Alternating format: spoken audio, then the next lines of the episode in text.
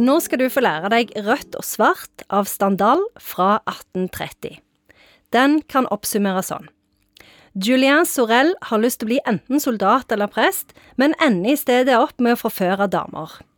Han skyter en av damene i ei kirke, så blir han dømt til døden, men både hun ene dama og hun andre dama tilgir han for det. For han var god på bånd? Ja, jeg tror ikke han var Jeg, jeg vet ikke om han var god på bånd, men han var i hvert fall veldig sånn sjarmerende type. Men, han kunne velge mellom å bli soldat og bli prest, og valgte å bli kvinneforfører. Er det, er det en yrke, det? For jeg vet jo at det er jo prester som eh, er kvinneforførere her, og soldater, så han kunne jo egentlig Ja, egentlig, for jeg har lest dette. For han er veldig opptatt av Napoleon, da. Syns at Napoleon er veldig tøff.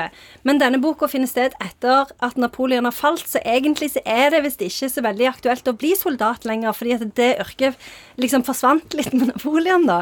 Så egentlig så burde han ha jobbet i bank. Så det burde jo egentlig Jeg vet ikke hva farge For altså rødt og svart det viser til liksom Soldatuniformen er rød, presteuniformen er svart, da. Så det viser til de to forskjellige uniformene. Så jeg vet ikke hva eh, bank om de hadde noen uniform for det, eller Men i hvert fall så, så velger han jo ingenting av dette. Han bare forfører damer i øst og vest. Men hvorfor måtte han skyte? Jo, fordi at han har eh, en affære med kona til borgermesteren. Og så tenker han, så blir hun veldig eh, klar for å liksom ta dette et steg videre. Men da er han sånn, jeg gidder ikke dette. Så blir han heller sammen med dattera til en sånn aristokrat. Men da blir kona til borgermesteren veldig sint, så hun sender et brev til dattera til aristokraten og sier 'han her var sammen med meg først'. Og da blir han kjempesint, og da skyter han henne. Hvem var de? Eh, hun første, borgermesteren sin kone. Oh. Og så overlever hun på mirakuløst vis. Og så sier hun 'jeg tilgir deg', men samfunnet tilgir han jo ikke, da, så han ble jo dømt til døden. Også. Men han skulle jo ikke vært soldat hvis han er så dårlig til å skyte. Det viser jo historien her. Ja, eller så skyteglad. At han kan ikke bare skyte all slags folk fordi om du er soldat. Men vet du hva, Jeg får litt assosiasjoner, for, for å trekke litt linjer her, til, til, til Jane Eyre her. Ja, jeg er enig. For at her har du en mann som i utgangspunktet er håpløs, og som, som, som ikke er noe sympatisk i det hele tatt. Men så er det da damer som tilgir, og som ønsker å please han allikevel. Du vet hvor glad jeg blir når du trekker de linjene, og du har helt rett. Det som òg er litt tøft, kan jeg si det, det er at det, det er jo òg noe som heter Standal-syndromet, som er oppkalt etter denne forfatteren. Oh. Og det er, For han var i Firenze på et eller annet tidspunkt, og så ble han så sykt overvelda av at det var så mye kunst der. Så Så Standal-syndromet det er en sånn følelse av å bli overvelda av liksom, mengden av vakker kunst. Og da kan du begynne å hallusinere. Vet du hva, Den har jeg kjent på. Har du kjent på den? I Firenze. Ja. I 40 varmegrader. Det var så mye av absolutt alt, men jeg hallusinerte ikke. Jeg trakk inn på Ja, pizzarestaurant. ja, ja, men det er samme. det er samme. Bare en eller annen fysisk sult er sikkert òg en del av det. Du ødela jo hele resonnementet her. Kunne du framstått som en kulturelsker og sagt at du hadde fått sandalsyndrom i, i Firenze, og så istedenfor så sier du det var 40 grader, det var så varmt. Kanskje det var sandalsyndromet, da.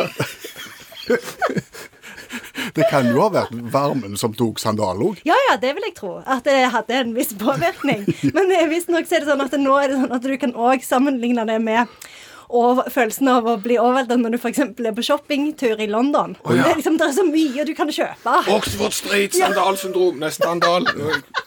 Blir ble det bare feil.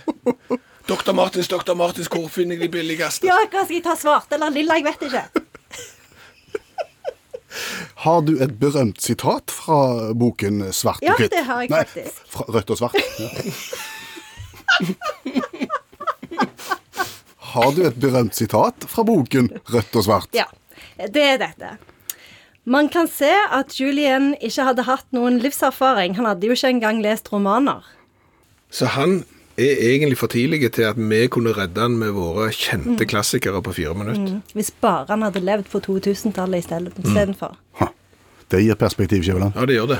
Vil du observere rødt og svart for oss? Ja, det, det, det kan jeg godt.